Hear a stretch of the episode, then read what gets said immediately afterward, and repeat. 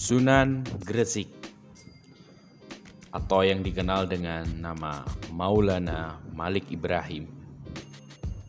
Selain dikenal dengan nama Maulana Malik Ibrahim, Sunan Gresik juga dikenal dengan nama Maulana Maghribi atau Syekh Maghribi karena beliau diduga berasal dari wilayah Maghribi, Afrika Utara.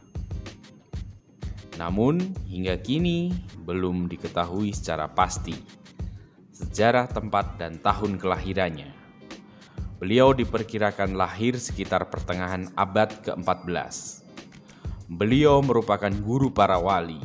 Sunan Gresik termasuk orang pertama yang masuk ke Pulau Jawa dan berasal dari keluarga Muslim yang taat. Belajar agama Islam sejak kecil, namun juga masih belum diketahui siapa gurunya, hingga beliau menjadi seorang ulama.